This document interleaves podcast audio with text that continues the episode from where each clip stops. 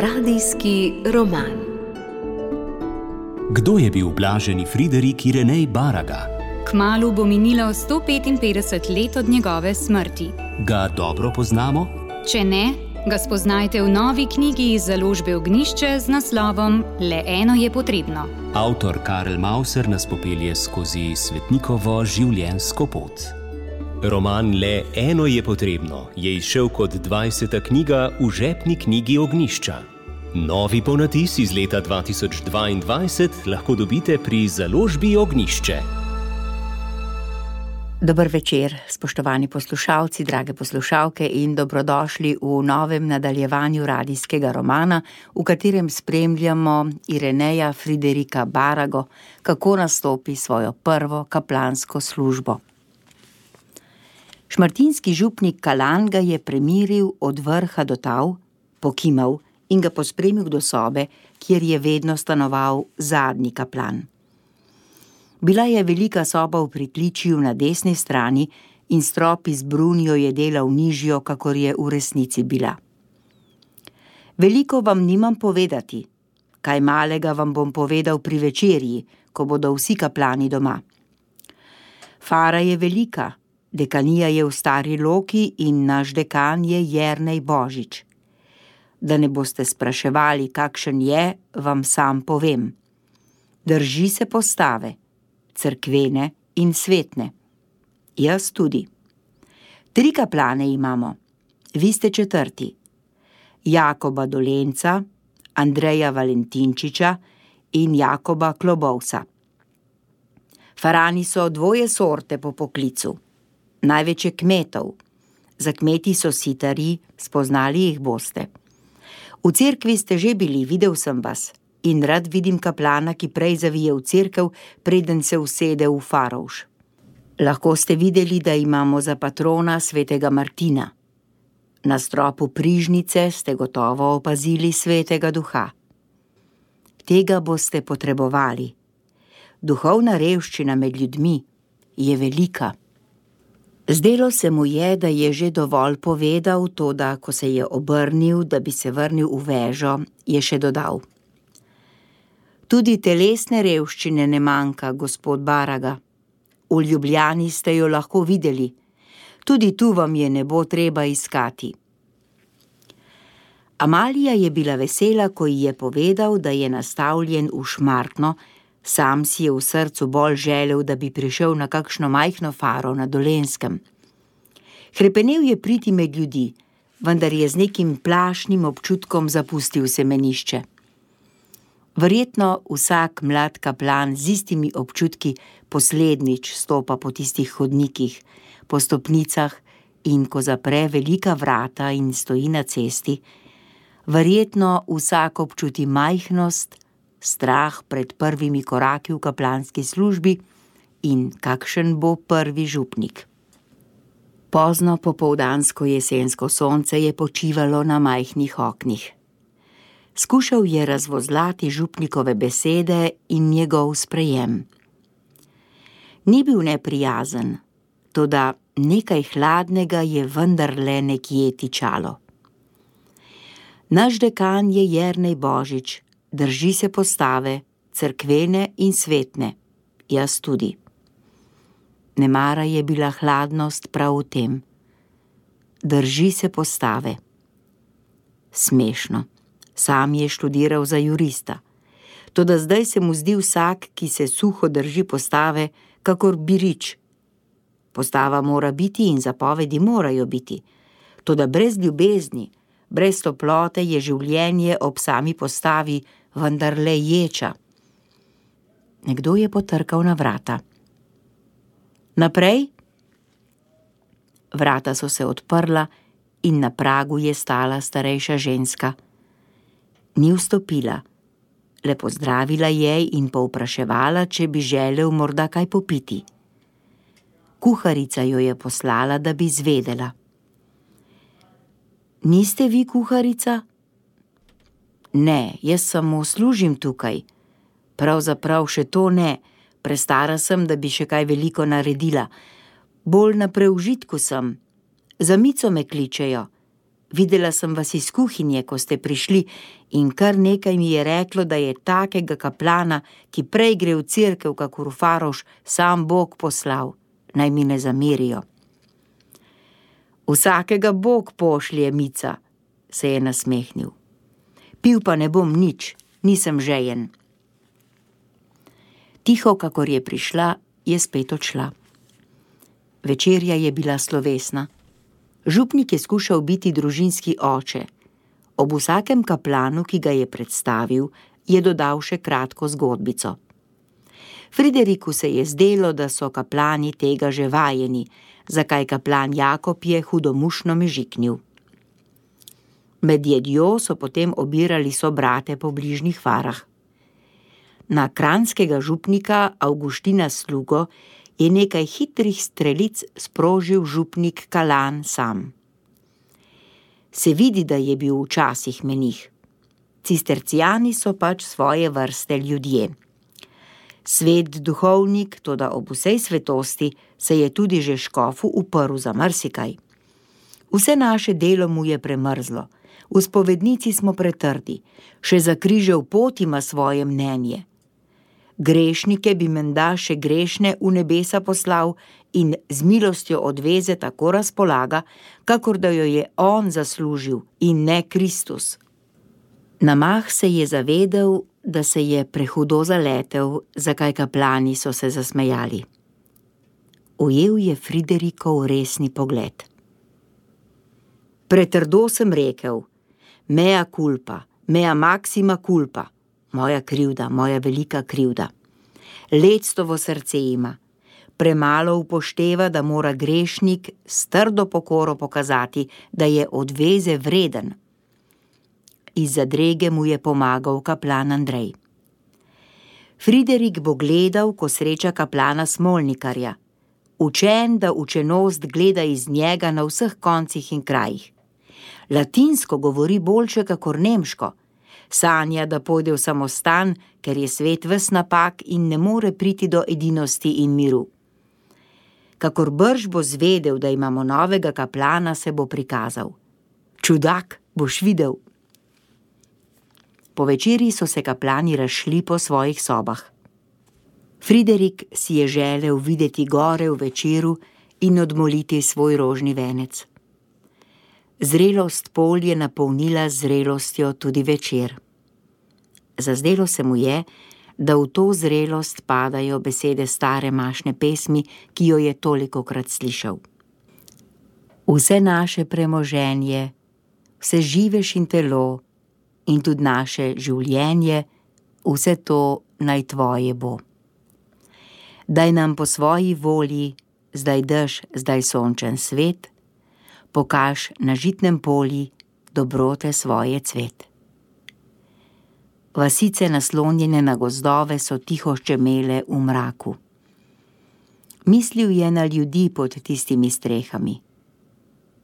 Za voljo njih je prišel.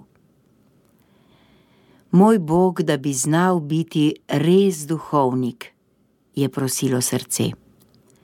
Da ne bi bil nikoli sodnik, ampak vedno le pastir dober pastir. Tak, ki pusti 99 dobrih ovac in gre za izgubljeno tudi bos po ostrem kamenju. Že po prvih tednih je spoznal, da je v fari duhovne in telesne revščine več, kakor je mislil. Ko je šel prvič previdevati on stran Save na smrt bolno ženo, je videl, v kakšni revščini žive nekateri ljudje. Bajta je bila sicer za njegov prihod pospravljena, to da siromaštvo je kričalo iz vseh kotov. Mož se je bil ukvarjal z lončarstvom, to da vse je kazalo, da se z obrtjo ne more preživljati. Dobršen del zemlje okrog bajte je bil močvirnat in povrh vsega stisnjen v čudno globel, in tudi polski pridelki niso mogli biti kaj obilni. Ženica je vdano pričakovala zadnjo uro. Zdelo se mu je, da skoraj z radostjo. Sredi listopada jo je pokopal. Njegov prvi pogreb. Že v semenišču je marsikdaj mislil na to, da bodo pota na pokopališča njegove najtežje poti. Globoko v spominu mu je ostal očetov pogreb, materinega se je le medlo spominjal. Gledati žalostne ljudi in se krotiti, da bi zdržal skozi obredne molitve, to mu je v semenišču marsikdaj prišlo na misel. Kako brez moči je človek ob žalosti drugih. Moraš to lažiti, to da naj bodo besede še tako iz srca, ostanejo vendar le besede. Kolikokrat se je ustavljal v svetem pismu ob sliki, ko Jezus udovi iz najma obudi mrtvega sina. Kakor da vidi pogrebce, kakor da sliši Jezusove besede, tako živo je šla slika van. Ustal je mladenič na nosilih, mati je od sreče, kakor brez uma. To lažilo za to svojo nemoč je našel v spovedovanju in pridiganju. Prvič je od blizu videl, kako strašno razdejanje je v nekaterih dušah napravila janzenistična strogost. Celo najboljše duše so ždele v večnem strahu. Strah jih je bilo pred zadnjo uro, pred večnostjo, tudi v isti sapi so krepenele po miru in po dobri besedi. V spovednici se mu je zdelo, da ima vendarle moč ozdravljati in obujati od mrtvih. Kako srečen je bil sam v dunajskih letih, da je našel patra Hofbauerja. Begal je v tistih letih, krepenil po nečem, pa se na pol poti spet vračal. Te duše delajo prav tako, le preproste je pa zato toliko siloviteje. Začel je s pridigami o božji ljubezni, o odpuščanju, o božjem srcu, ki čaka, to da noče, da prihajajo duše do njega iz strahu. Ljubezni se je treba bližati samo z ljubeznijo.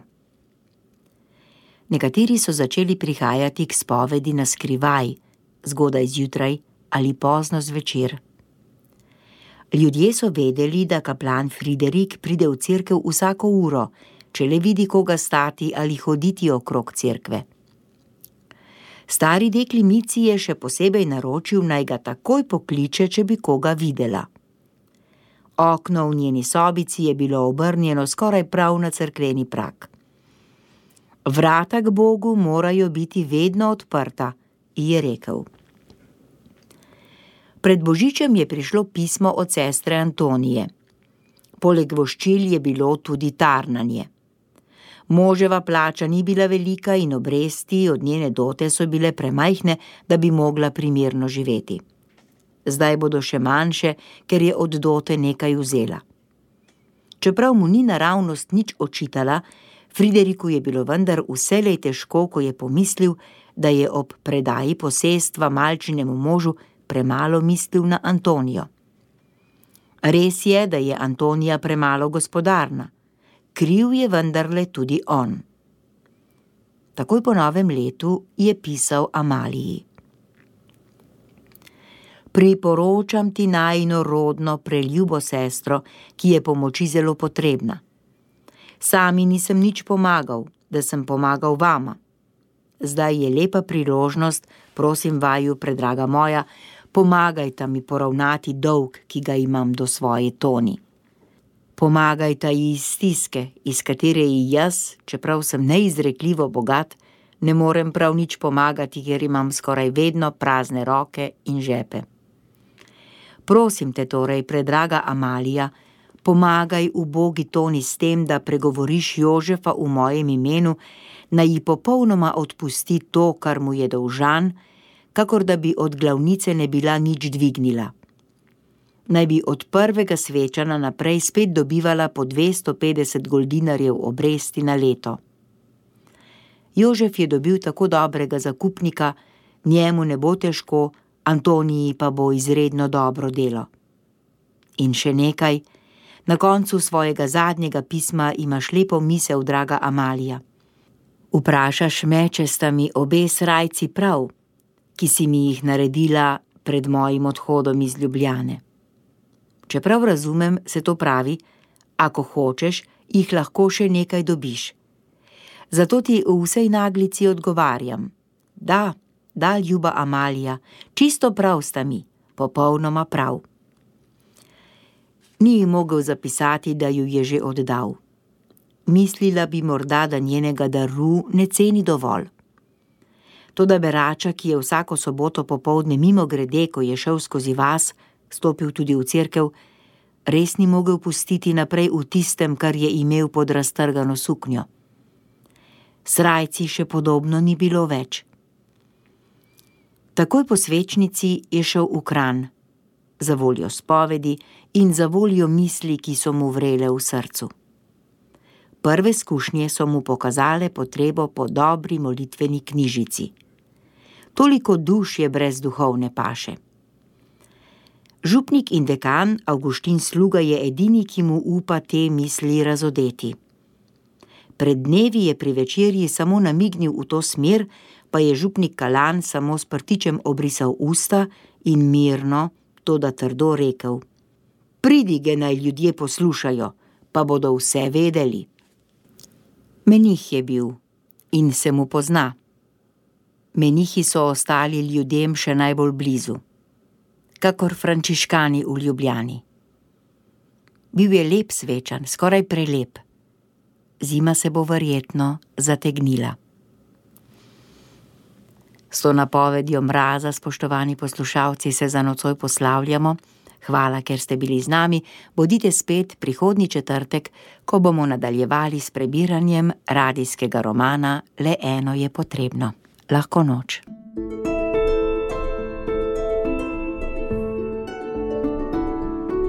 Radijski roman.